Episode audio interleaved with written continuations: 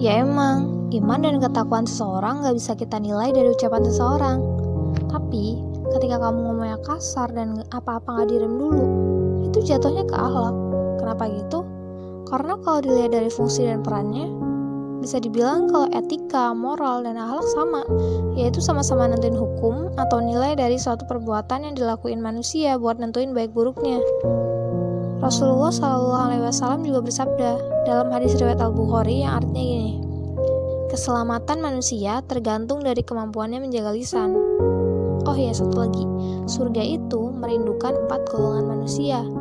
Nah, yang salah satunya itu adalah orang yang senantiasa menjaga lisannya. Ingat nih, benar kalau ada ungkapan mulutmu harimaumu, karena apa yang keluar dari mulut kita bisa menjadi pilihan bagi kita untuk ke depannya buat kita juga.